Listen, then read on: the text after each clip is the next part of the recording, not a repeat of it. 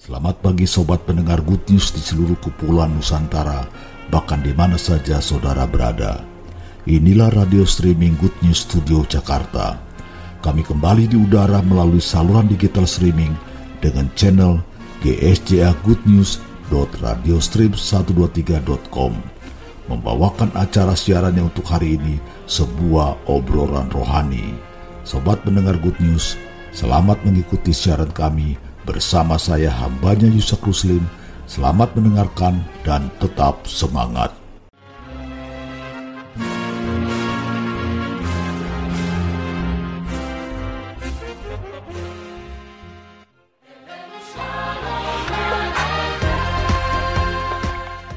Ya, selamat pagi Sobat Good News di mana pun saudara berada. Selamat berjumpa kembali dengan radio kesayangan kita Good News Radio.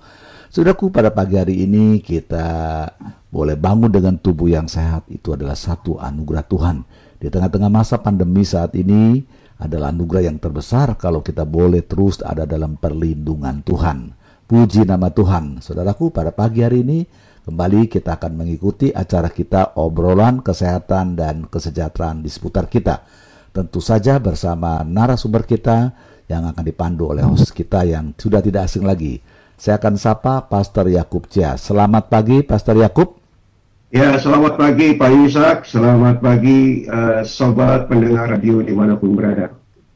Oke, saudaraku, dengan tidak berlama-lama, kita akan serahkan saja seluruh acara kita pagi hari ini dengan Pastor Yakub Cia. Silakan Pastor Yakub. Ya, terima kasih Pak Yusak, uh, sobat pendengar radio di mana pun berada. Hari ini saya akan menemani Anda satu jam ke depan dengan narasumber yang sudah ada di tengah-tengah kita. Uh, beliau adalah seorang yang sungguh luar biasa, ya, di mana Tuhan memberkati beliau dan Tuhan turut campur tangan yang luar biasa dan saya sangat diberkati melalui kehidupan beliau. Dan hari ini kita akan bersama-sama akan menyapa beliau. Selamat pagi Pak Barita. Selamat selamat pagi Pak Yakub. Oh, puji Tuhan. Selamat pagi Ibu Jung. Iya, Ibu Jung itu mic belum dibuka ya. Oke, okay, uh, eh, uh, eh, Pak Barita, kalau boleh tahu sekarang umur berapa ya? Saya 70. Oh, umur 70 ya. Saya lahir tahun 50.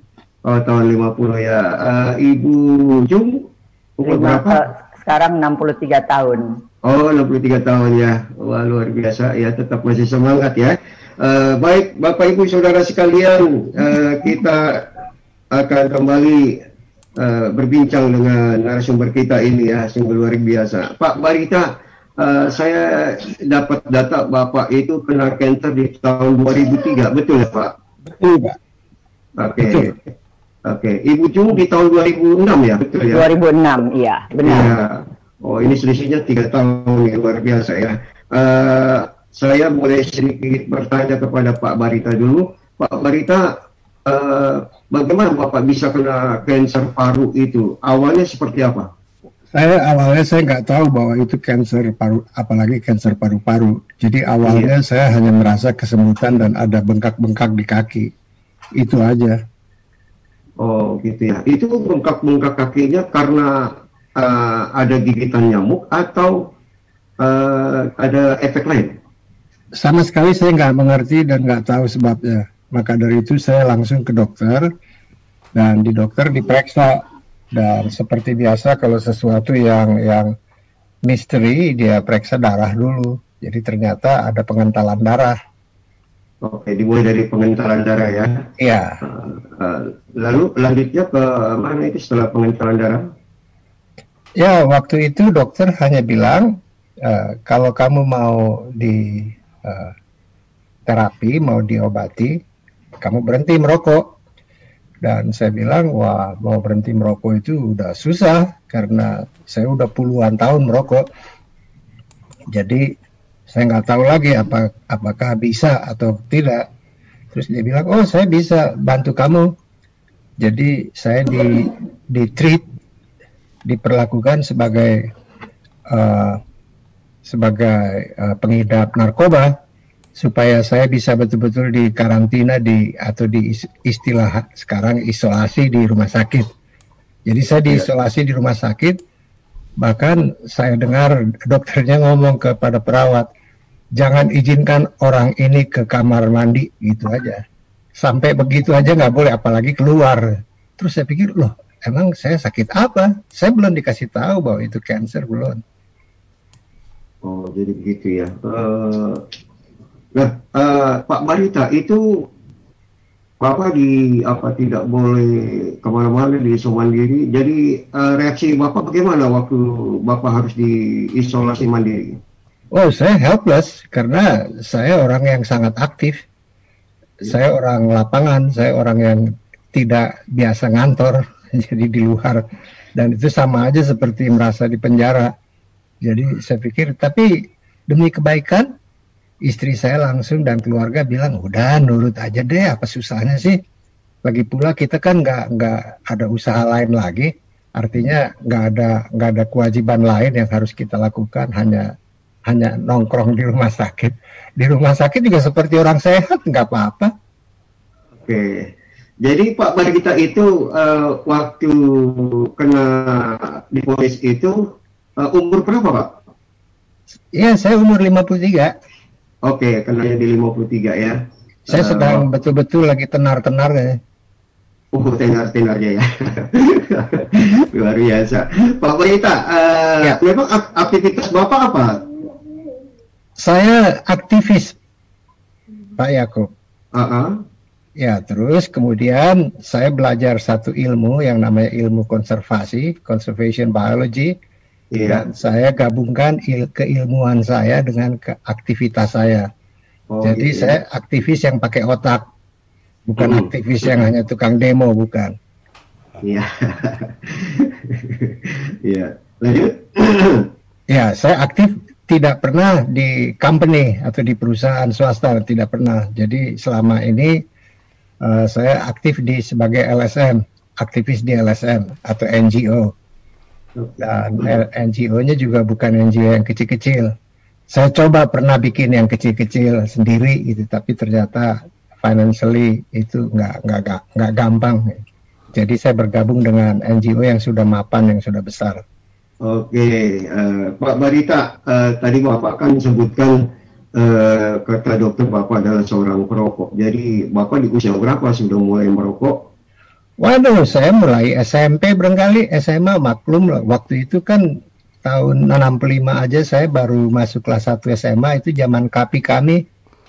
Maaf, saya bukan menyalahkan KAPI kami, tapi waktu itu waktu itu uh, disiplin persekolahan itu sangat longgar. Orang sering bolos, tiap boleh dibilang tiap hari itu bolos. Dan aktif demo di jalan melawan pemerintahan Orla. Jadi dari situ mulai kenal ya, kenal apa oh. itu rokok. Iya. Dan bergaul sama perokok-perokok, jadi ya udah. Iya. Bergabung uh, deh. Sampai sekarang masih merokok pak? Oh, saya udah murtad. saya murtad. udah, betul-betul udah nggak kenal uh, lagi. Rokok aja harga rokok berapa saya nggak tahu lagi sekarang. Oh begitu ya.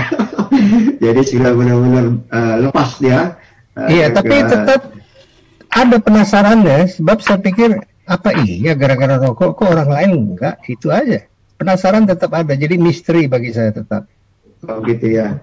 Ya kalau kita kalau kita dengar kemarin ya bahwa uh, dokter Samuel bilang juga memang salah satu penyebab kanker paru itu adalah perokok begitu ya?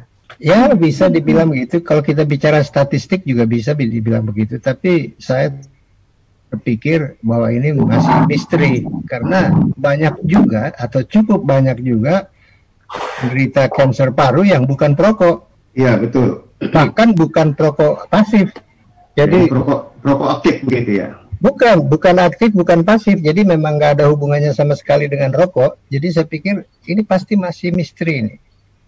Nah, di mana nih sains kok nggak belum bisa pecahkan ini soal Baik, Bapak. Waktu Bapak sudah diponis uh, kanker paru, uh, apa reaksi Bapak? Apakah Bapak mengalami shock atau bagaimana? Oh, sangat, sangat super shock. betul-betul bukan shock biasa. Sebab yeah. anak saya waktu itu berumur tiga tahun dan saya tahu uh, terapi atau pengobatan kanker itu bukan sesuatu yang murah. Iya. Yeah. Terus saya pikir, aduh, ini uang college untuk anak saya, untuk masa depan dia sudah saya ambil duluan. Jadi saya berjanji sama diri sendiri bahwa saya harus serius menangani masalah ini. Baik, uh, Pak Barita, waktu sudah dinyatakan kanker paru, itu berapa kali tindakan untuk sinar dan kemo? Wah itu sih saya udah nggak ingat lagi tapi waktu saya di uh, ke dokter di refer men, uh, dirujuk untuk ke mengunjungi dokter paru. Uh, dok, uh, oncologist dokter ahli cancer langsung dia bilang uh, ayo kamu ke ruang sebelah. Saya tanya ngapain? Ya kamu di kemo di situ. Oh, di kemo? Ada apa? Eh, kenapa? Gitu. Jadi saya kaget. Jadi dia bilang syaratnya adalah di kemo dulu beberapa kali baru dilihat reaksi kemo itu terhadap kansernya. Apa betul? Gitu. Nah setelah itu di kemo lagi setelah setelah ya, selesai. Itu. Jadi ada mau diradiasi sangat sulit karena kalau bentuk paru-paru itu kan seperti brokoli. Bisa dibayangkan sayur brokoli kalau ada titik atau nodul di tengah-tengah di dalamnya itu bagaimana mau radiasi ya, harus ya Pak. Ya theoretically udah susah. Uh, apalagi praktek ya jadi mau nggak mau harus tindakan operasi. Jadi saya tiga kali di kemo operasi operasi diambil lobus nama nama ininya lobektomi nama prosedurnya lobektomi karena yang diambil adalah lobus lobus yang tengah di sebelah kanan paru-paru itu ada tiga lobus di sebelah kiri hanya dua jadi lobus yang tengah di sebelah kanan itu diambil oleh dokter. Jadi paru-paru saya udah yang sebelah kanan tinggal dua per tiga. Nah sesudah itu baru di kemo lagi tiga kali untuk finishing selesai deh. Itu kemo terakhir uh, kapan Pak Barita? Itu 2003. 2003. Uh, ya. Operasinya? Iya, 2003 itu juga. Oh, sama juga, barengan ya. ya. Oke, okay, ya. Itu baik. itu tidak bisa saya lupakan karena ketika saya difonis uh, saya kena cancer itu pas pada hari jatuh pada hari ulang tahun ibu saya yang masih hidup. Jadi ya, ya. itu terkesan sekali sama saya. Waduh, saya mau ngomong happy birthday ke ibu, keadaan saya begini kayaknya serba janggal dan canggung. Jadi itu terkesan sekali sama saya. Tapi semangat saya untuk sembuh itu sangat tinggi. Iya. Karena dibantu uh, oleh lingkungan dan teman-teman. Iya, puji Tuhan. Memang salah satu uh, faktor untuk menyembuhkan sakit yang kita alami adalah salah satu semangat, gitu ya Pak oh, Barita ya. 100, betul. Iya. Uh, semangat dengan pikiran yang positif, begitu ya Pak Barita ya. Dukungan.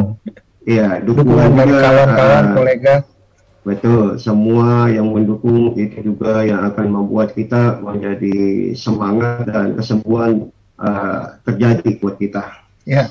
Ya, Pak Berita, uh, waktu Bapak uh, mengalami sakit kanker ini, adakah pantangan yang dilakukan oleh dokter yang bentuknya makanan atau yang lain gitu? Practically tidak ada pantangan tidak ada pantangan, tidak ada yang diharamkan, tidak ada yang tidak dibolehkan, semua boleh. Jadi dia bilang silakan pakai akal sehat. Kalau pedes ya kepedesan gitu gitu. Jadi itu ya pesan dari dokter ya. Iya. Tapi se sebaliknya tidak boleh sampai lapar. Itu itu pantang. Itu nggak oh, boleh iya. sebab dokter menasihati untuk melawan kanker badan kita yang harus betul-betul melawan, bukan obat, tapi obat hanya membantu. Berarti ada ada obat juga ya waktu itu Pak Barita eh, apa dalam menjalankan pengobatan itu ya? Ya, hanya untuk memperkuat tubuh. Iya, oke, okay. baik. Uh, Pak Barita, sungguh luar biasa ya, uh, sobat pendengar di mana pun berada, beliau uh, wanita ini uh, sekarang berumur sudah 70 lebih, saudara ini sungguh luar biasa. Ya, uh, ini menjadi sebuah motivasi, motivator buat kita semua bahwa sakit yang kita alami janganlah menjadi dimanjakan tetapi menjadi sesuatu yang membawa kita tetap semangat. Itu kata Pak Barita. Uh, kita harus semangat kita harus tetap berpikiran positif itu yang akan menolong. Uh, baik saya bertanya lagi kepada Pak Barita sebelum saya nanti akan bertanya kepada Ibu Jung uh, istrinya juga beliau kena cancer paru yang luar biasa ya selisih tiga tahun dari Pak Barita ini saudara. Uh, Pak Barita kira-kira pesan apa yang Bapak mau sampaikan buat semua pendengar radio uh, untuk tetap uh, memahami bahwa cancer paru itu bukanlah sesuatu yang menakutkan tetapi apakah pesan Bapak? Well, kalau dibilang istilah bukanlah yang menakutkan cancer paru practically tidak ada apa-apanya dibanding COVID, COVID-19. Jadi COVID-19 itu mengalahkan seluruh jenis penyakit sekarang. Sekarang betul. Ya. Jadi saya juga bukan maksud ber, bermaksud untuk menganggap enteng apa itu cancer paru-paru. Bahkan saya ingin memberitahu bahwa masih banyak misteri yang kita tidak tahu di cancer paru-paru. Sebab jangan-jangan dia berasal dari cancer organ lain metastase merambat atau pindah ke paru-paru. Mungkin ya. Yeah. atau wah kita nggak tahu. Misalnya kalau kita lihat saja kenapa orang kampung atau orang yang di pedalaman kok sehat-sehat aja? Dia mereka merokok hidup bakar sampah tiap hari tapi nggak apa-apa justru itu jadi penuh misteri cuma kita jangan terlalu hanyut berpikir yang soal begitu kita pakai akal sehat aja jadi pola pola hidup sehat dan makan yang sehat, pola makan sehat itu aja. Sebab ya. status kita sekarang sama.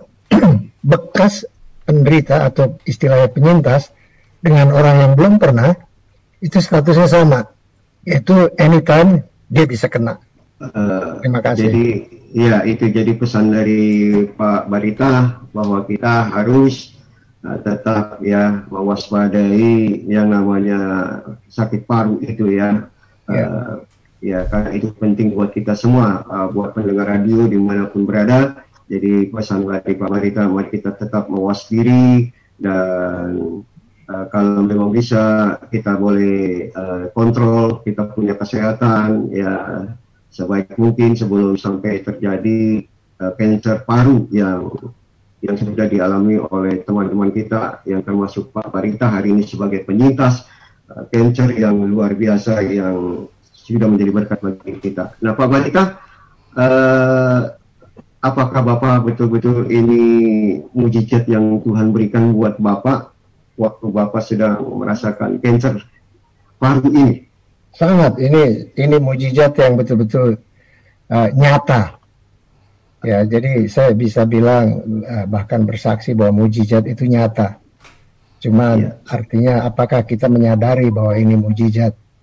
Dan ini sering saya ceritakan kepada kawan-kawan dekat bahwa penyakit yang boleh dibilang menakutkan bahkan uh, helpless, tidak tertolong lagi untuk beberapa puluh tahun yang lalu, cuman sekarang artinya bisa bisa bisa kita bisa jadi salah satu penyintas ya bisa ya. lolos. Oke, okay, ya. Tuhan ya. Uh, Pak Badi, waktu Bapak dalam pengobatan, uh, waktu dalam pengobatan Bapak ini uh, yang ditemani cuma istri atau dengan yang lainnya? Oh, yang pasti yang dia yang paling dekat selama ya, practically tiga tahun pertama sebelum dia sendiri kena, dia jauh lebih tahu tentang apa itu cancer dibandingkan saya. Oh, Background okay. keilmuan saya itu biologis dan dia bukan dia sastra. Okay. Jadi okay. tapi ternyata dia yang jauh lebih tahu tentang apa itu cancer dan apa itu cancer paru-paru. Dan yeah. dia yang mensupport. Sebab lagi-lagi dia yang ke lab, dia yang mengunjungi dokter, dia yang bertanya sama dokter, dia yang praktik practically dia yang paling cerewet nanya dokter. ABCDE-nya tuh dia dia pengen tahu. Jadi yang saya eh, yang saya terharu adalah ketika dia yang kena. Ini yang saya jadi makin bingung. Kok dia yang paling tahu dia juga kena gitu. Baik, uh, sobat pendengar di mana pun berada hari ini apabila ada yang ingin bertanya dengan Pak Barita, uh, sebelumnya saya informasikan karena Pak Barita uh, beberapa menit lagi beliau akan pamit untuk melaksanakan tugas beliau. Uh, nanti akan kita sambung dengan istrinya Ibu Jung. Tetapi sebelum beliau pamit, mungkin ada di antara pendengar radio yang ingin bertanya kepada Pak Barita, silakan di WA 0818941137 atau 0818769161. Uh, silakan Bapak Ibu boleh kirimkan pesan-pesan atau pertanyaan saudara kepada Pak Barita uh, di WA yang sudah saya sebutkan karena beliau sangat menjadi motivator yang luar biasa bagi kita semuanya. Apabila ada juga teman-teman yang ada di grup ini, di Zoom ini, yang ingin bertanya silakan kepada Pak Berita karena Pak Berita sangat welcome untuk pertanyaan uh, yang diajukan buat Bapak Ibu Saudara sekalian. Baik sebelum uh, pertanyaan itu akan dipersiapkan dan kami menunggu, kita akan dengarkan satu lagu yang untuk kita semua boleh diberkati melalui pujian ini.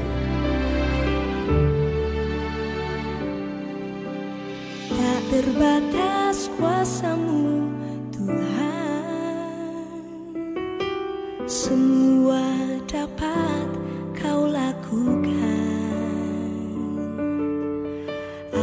yang kelihatan mustahil bagiku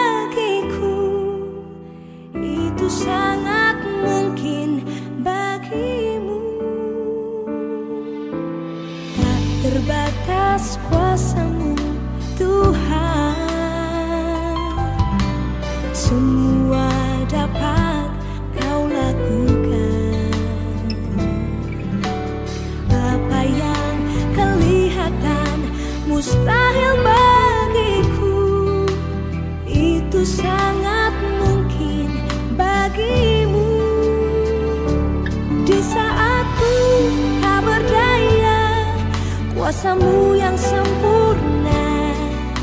Ketika ku percaya Mujizat itu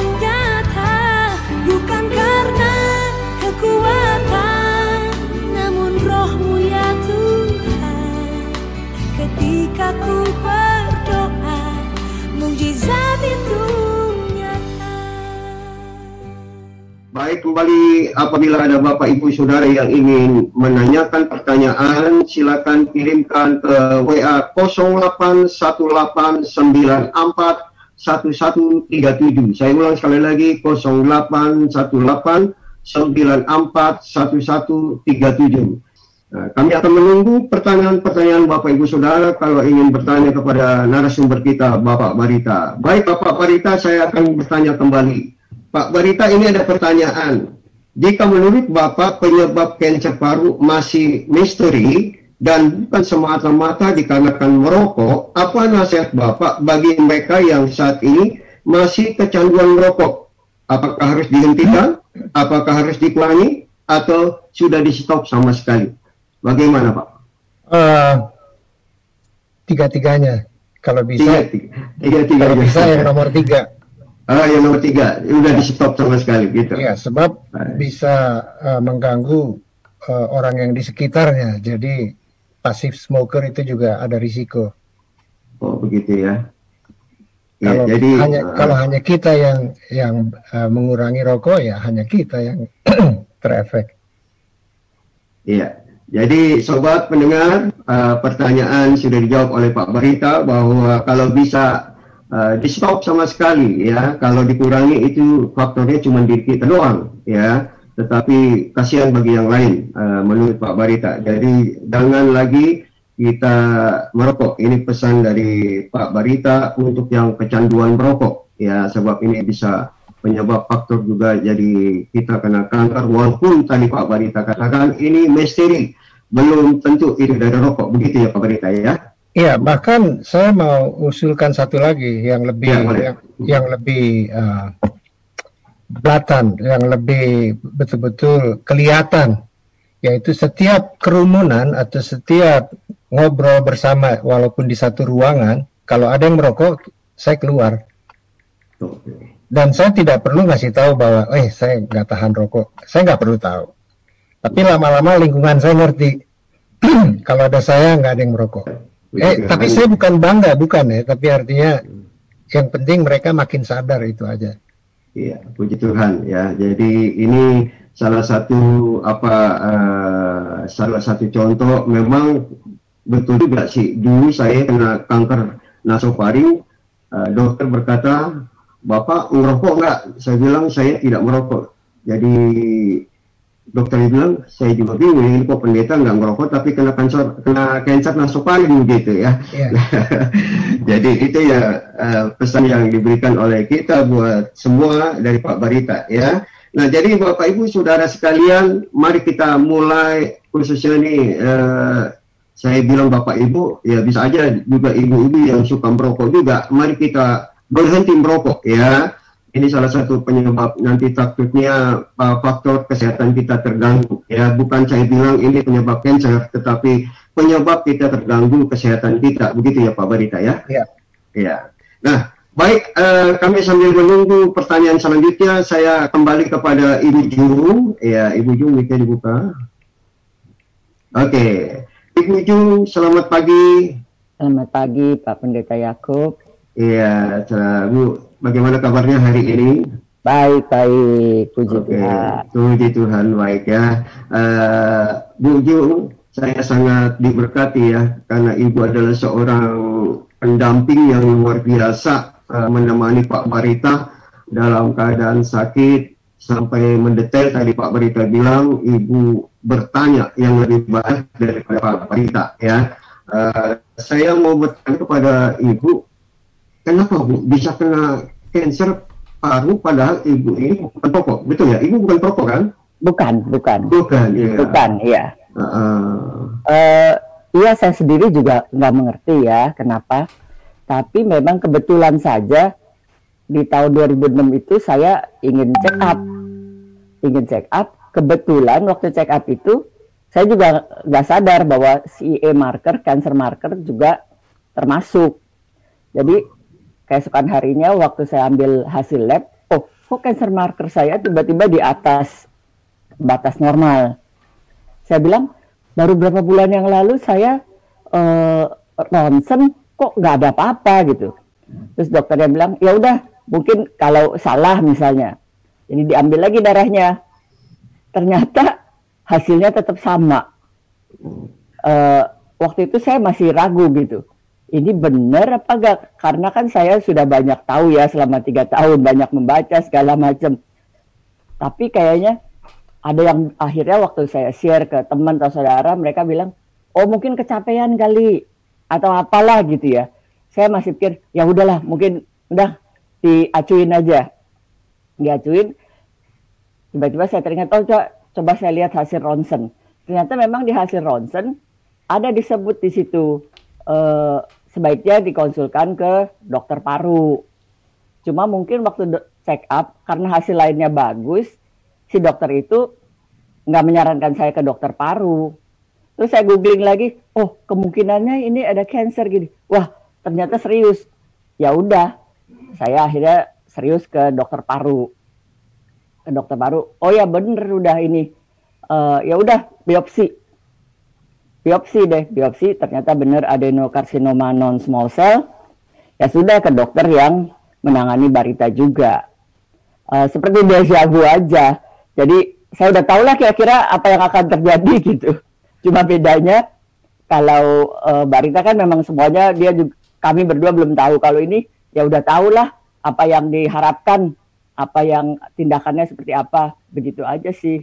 Ya saya banyak berdoa aja ya berarti mungkin uh, Tuhan punya maksud lain gitu.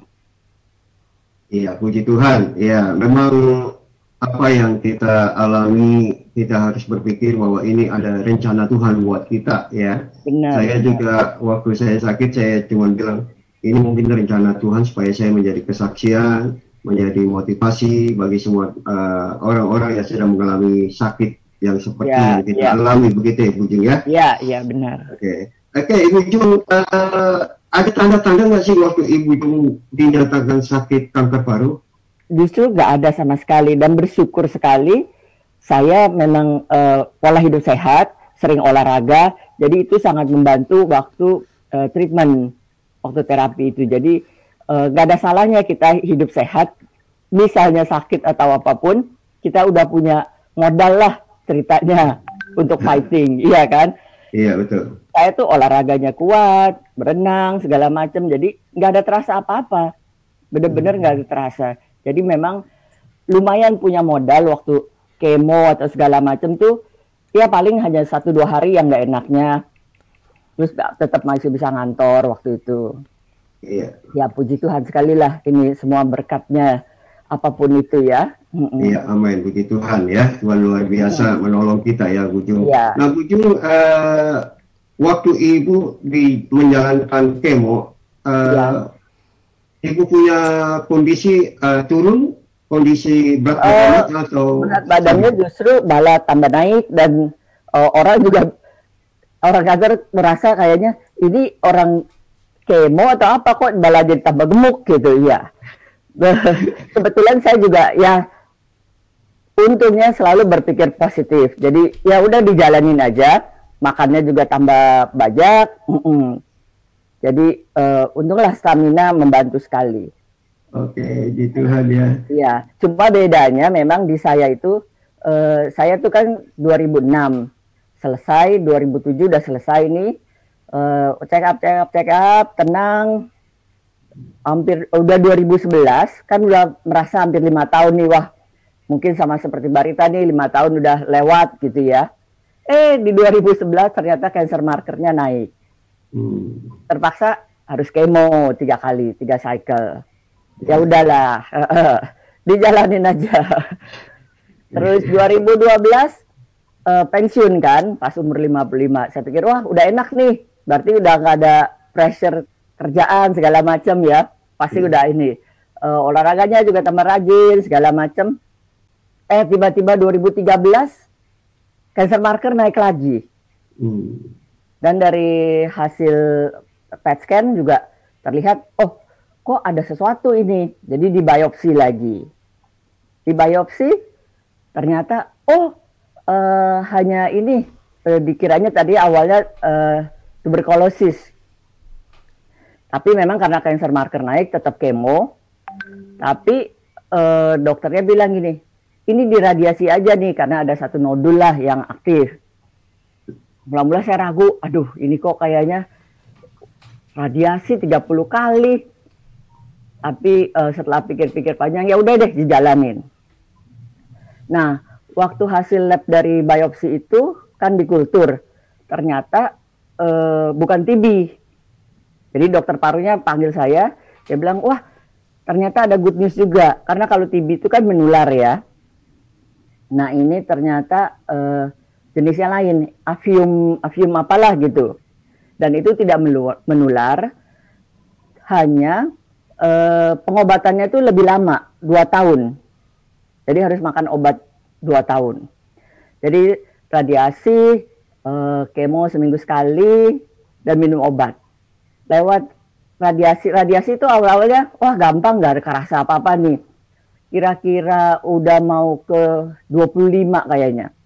Itu baru terasa. Nelen itu setengah mati. Kayaknya sakit tersayat-sayat. Aduh, tapi saya harus tetap paksa makan kan. Jadi saya tetap makan sedikit-sedikit. Nah, waktu kira-kira itu kan iya ke 23 sampai ke 25 kali ya, sampai ke 26. Eh tiba-tiba besoknya tuh eh saya makan eh hilang sendirinya. Ya udah, benar-benar puji Tuhan lah itu. Jadi radiasi lewat, akhirnya makan obat. Selesai dua tahun, diperiksa, oh ya udah clear, udah nggak ada avium itunya. Terus itu kan 2013, udah tenang, tenang, tenang, tenang. 2017 tiba-tiba ada benjolan di kulit kepala. Awalnya masih kecil, cancer marker masih oke. Nah 2017 eh tahu-tahu aja cancer markernya lewat batas lagi. Terpaksa kemo lagi tiga cycle lagi. Udah dijalanin. Eh baru-baru ini juga. Waktu 2019 emang ada muncul lagi ini. Uh, awal awal 2019 sedikit sedikit ya udah di, dimonitor aja 2020 cancer markernya udah tinggi nggak 2020 sebenarnya saya tuh agak khawatir ini wah ntar saya kemo lagi nih takutnya cancer markernya naik eh tiba-tiba uh, satu pagi pipi kanan saya ini bengkak sampai kayak agak ke leher. Wah, saya bilang apa nih ya? Uh, ya udah ke dokter. Dokter, mula-mula dokternya masih curiga uh, infeksi, tapi begitu dia tahu saya ada riwayat kanker paru dan ada jendela sini, bilang, wah ini mah related to ini nih cancer katanya. Itu kan internis. Ya udah, terpaksa periksa semuanya. Nah dari situ saya akhirnya berani lah udah ke onkologis lagi nah itulah Tuhan kasih kasih sentuhan ya untuk saya berani mungkin kalau nggak ada bengkak itu saya masih pikir ya udahlah nggak apa-apa lah saya bisa fighting sendiri aja gitu ya udah akhirnya Februari kemarin saya kemo lagi tiga kali begitulah cerita panjangnya jadi memang beda dibanding Barita yang ya puji Tuhan sekali untuk dia sekali saja di 2003 udah. Jadi Tuhan punya rencana uh, satu yang kena, satu yang mengalami ini. Jadi bukan dua-duanya, iya kan?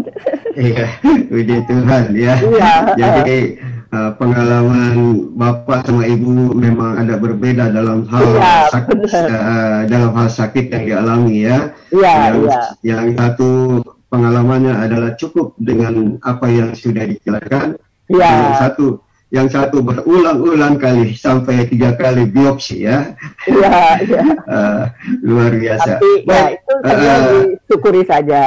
Ya, amin. Baik Pak Barita dan Ibu, ini ada pertanyaan. Menurut kesaksian Bapak Ibu, kesembuhan Bapak Ibu adalah mujizat. Gimana bisa? Lalu apa peranan medis dalam kesembuhan Bapak Ibu? Uh, siapa mau jawab, Bapak atau Ibu? Silakan. Oke. Okay peranan medis tentunya sangat penting. Iya. Yeah. Tapi juga disertai dengan iman kita. Jadi yeah. uh, kalau kita hanya hanya dengan iman dan berdoa saja tanpa medis, tentunya tidak cukup. Seperti yeah. yang terjadi pada saya. Tadinya saya pikir saya punya iman, saya punya iman. Tahu-tahu kan diberi sentuhan juga bahwa ada pembekakan. Ah, akhirnya percaya bahwa oh ya deh, saya harus bertindak. Iya. Karena bagaimanapun medis itu kan juga adalah uh, sesuatu karunia dari Tuhan ya. Teknologi begitu maju segala macam. Jadi harus berbarengan sih. Begitu ya. Pak.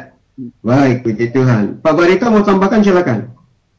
Ya, saya percaya semua ini mujizat. Cuma kalau kita mau pakai rasional, saya pikir apa ini yang terjadi? Jadi banyak sekali rasional yang kita tidak bisa mengerti sehingga kita menganggap ini misteri.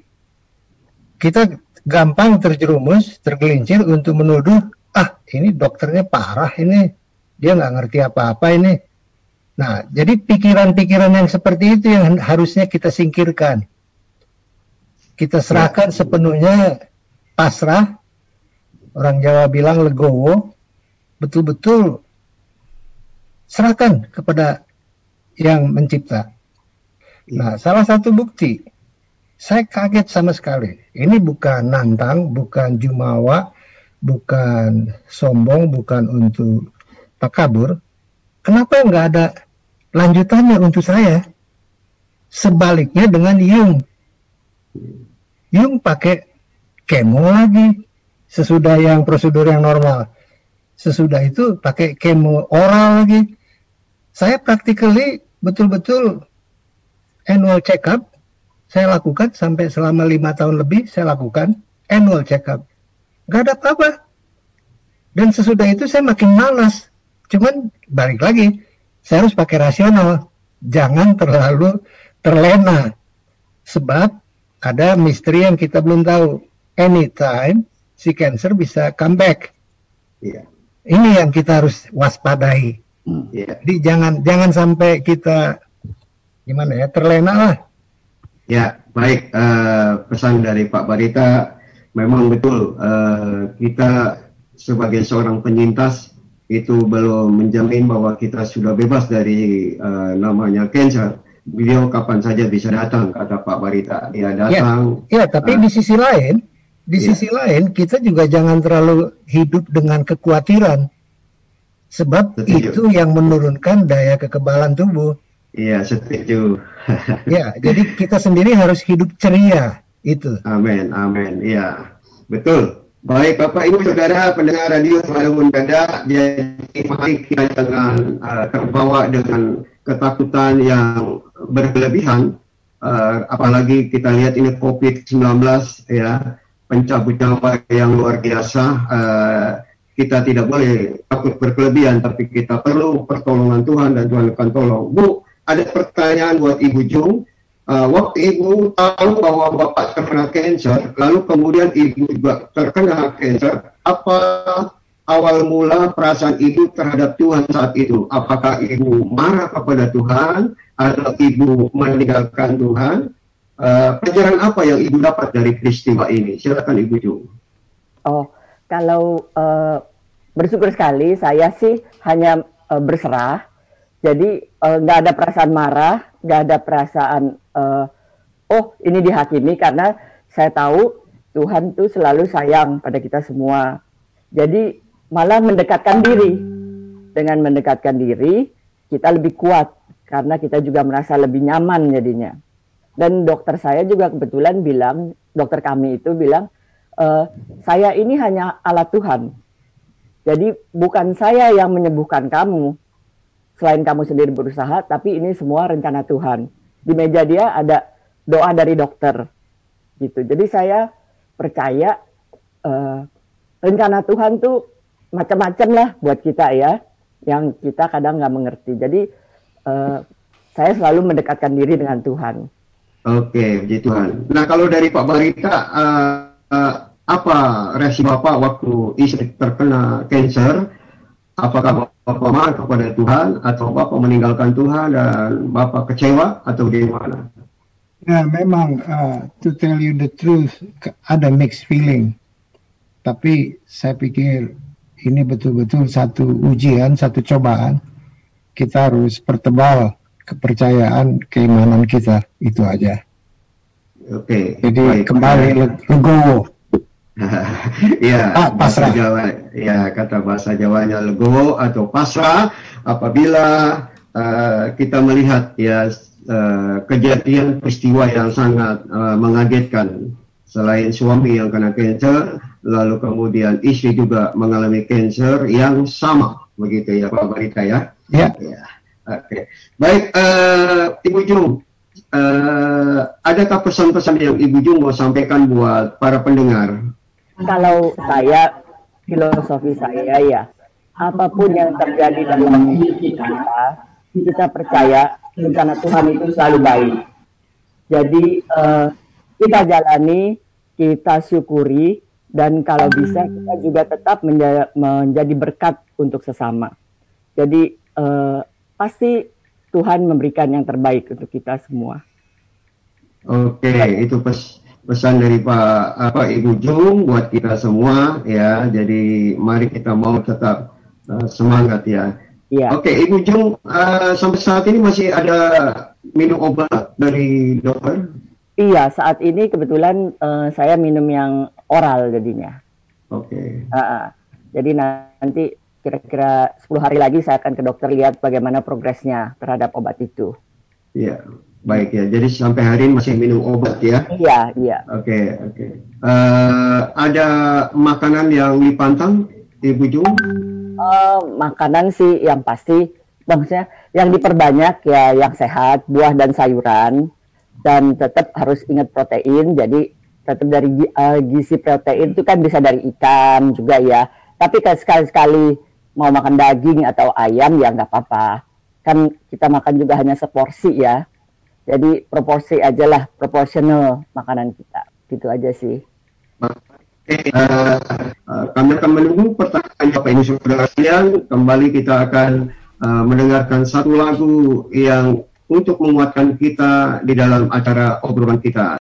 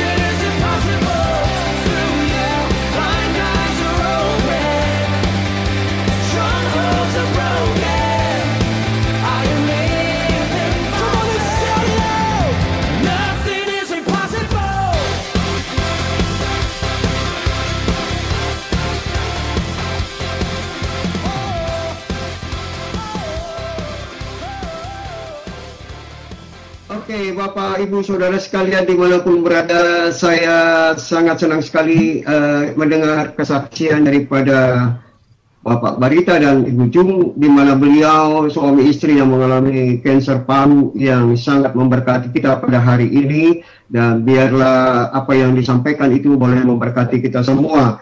Bapak Ibu Saudara sekalian, ada ucapan terima kasih buat Bapak Barita dan Ibu Jung. Saya kagum dan semangat Bapak Ibu sungguh luar biasa memberkati kita semua dan memberikan inspirasi yang luar biasa. Dan pesan beliau adalah semangat terus Pak Barita dan Ibu Jung untuk menjadi motivasi buat kita semua. Itu ada pertanyaan uh, pesan yang disampaikan oleh narasumber apa dari pendengar kita. Ya sungguh luar biasa. Baik sekali lagi mungkin Pak Barita ada mau pesan khusus yang mau disampaikan buat kita semua. Silakan Pak Barita Oke, okay, terima kasih atas kesempatannya. Um, begini, um, saya dinasihati oleh dokter saya untuk jangan menyinggung atau ngomongin atau uh, mendiskusikan masalah stadium. Sebab kita sering terperangkap dengan pertanyaan itu. Orang nanya, sudah stadium berapa Pak? Jadi si dokter menjelaskan secara ini secara uh, rasional. Dia bilang tiap dokter itu ada alasan. Mau bilang ini stadium 2 atau ini adalah stadium 3 atau bahkan ini stadium 4 tiap tiap dokter punya alasan sendiri dan punya reference. Dan mereka bukan orang bodoh. Mereka ada alasan betul-betul yang ilmiah untuk mengatakan status stadium. Tapi efeknya adalah si pasien. Begitu si pasien, apalagi dia waktu datang sebagai pasien pada kunjungan pertama langsung dibilang oleh dokter stadium 3, itu betul-betul down. Kasihan si pasien. Jadi hendaknya kalau kita ketemu sama pasien atau penderita cancer, kita nggak usah nyinggung deh daripada bikin dia down. Justru sebaliknya kita cari beberapa topik yang untuk meningkatkan imunitas dia, untuk meningkatkan kekebalan dia, untuk meningkatkan agar dia bisa menghadapi hidup dengan lebih ceria. Kira-kira begitu. Itu aja dulu Pak Yakub. Oke, ya Tuhan. Dari Ibu Jung, ada pesan khusus buat kita pendengar radio? Uh, ya, mungkin sama seperti tadi. Percayalah bahwa rencana Tuhan akan selalu indah dan selalu baik untuk kita semua. Jadi uh, kita harus tetap uh, mempunyai iman yang kuat. Apa pun yang terjadi, kita pasrah bahwa Tuhan akan selalu memberikan jalan yang terbaik. Amin, amin. Ya, Bu, ini ada pertanyaan yang masuk. Ya, pertanyaannya adalah di keluarga besar Bapak Ibu, apakah ada yang kena cancer atau memang Bapak Ibu saja yang kena cancer? Uh, bisa dijawab? Kalau dari keluarga saya, yang setahu saya uh, tidak ada, tapi di keluarga suami uh, ayahnya itu kayak waktu itu kena prostate cancer, cancer prostat, iya. Iya. Jadi itu ya uh, hmm. dari dari keluarga Pak Barita yang ya keluarga yang ayah uh, saya kandung ya. Ya, ayah kandung ya. Jadi uh, ini boleh dikatakan keturunan istilah kedokteran gitu ya. Ah itu satu lagi. Itu ya, satu ya, lagi Pak Yakub. Ah. Saya interupsi maaf. Jauh lebih baik kita tidak menyinggung masalah keturunan. Okay. Sebab kalau kita menyinggung masalah keturunan seolah kita menyalahkan leluhur kita. Iya betul betul. Itu okay. sesuatu yang tidak tidak etis sebab tidak ada bukti. Walaupun secara genetik kita masih akan sulit untuk membuktikan. Itu biaya untuk penelitiannya itu M, bukan juta hmm. lagi.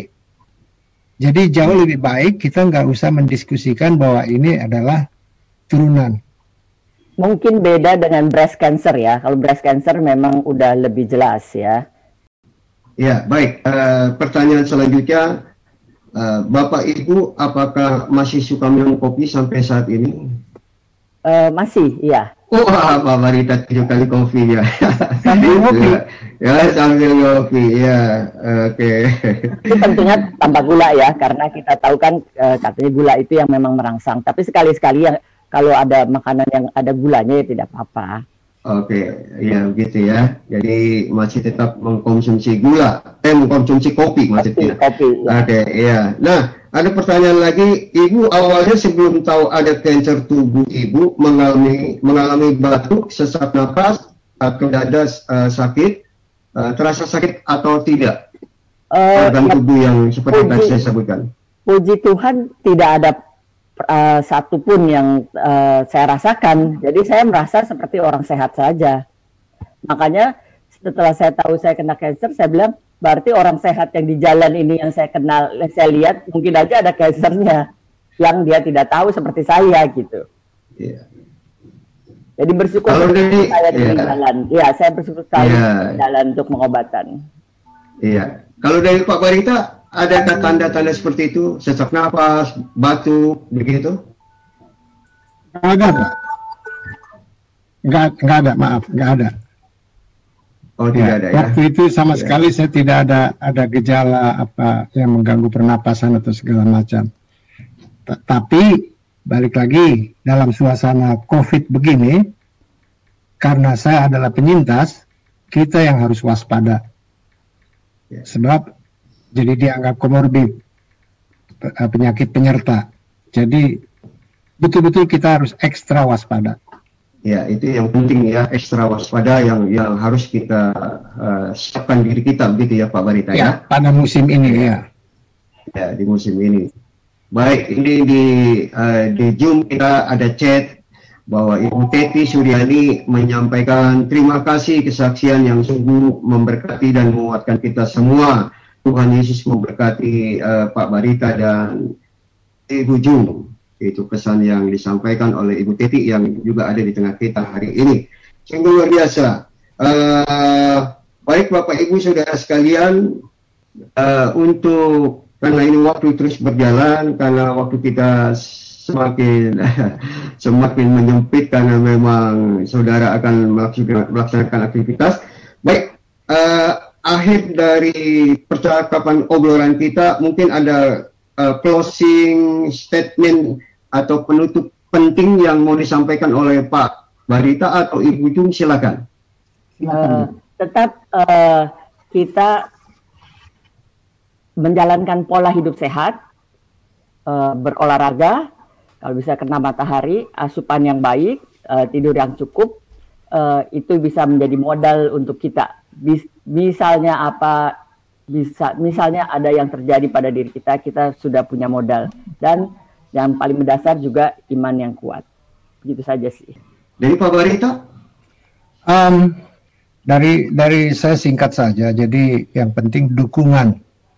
Sebab dukungan dari kawan, dari support dari lingkungan, dari uh, kerabat kerja, sedulur, uh, keluarga, uh, dari ibu, dari bapak, itu sangat menebalkan, meningkatkan imunitas kita sendiri. Jadi efeknya selalu positif.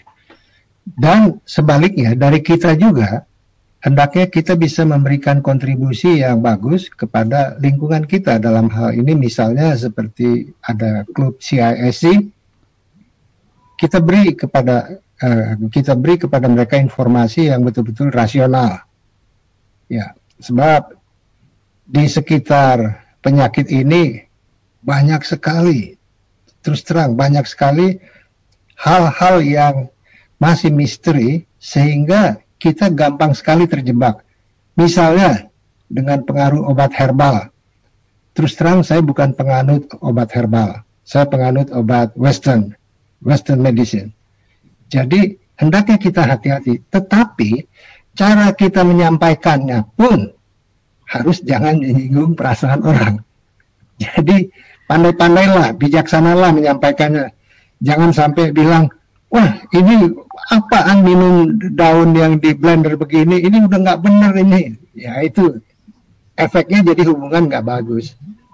Jadi itu salah satu. Jadi CIC itu yang hendaknya kita bantu terus dan terima kasih kepada CIC yang uh, sebaliknya juga sudah mensupport kami Bapak Ibu Saudara sekalian saya berterima kasih kepada Pak Barita dan Ibu Jung yang sudah menyempatkan waktu Anda bersama kami Tuhan Yesus memberkati. Mari Bapak Ibu Saudara sekalian, kita mengucap syukur kepada Tuhan Tuhan baik. Glory bagi nama Tuhan.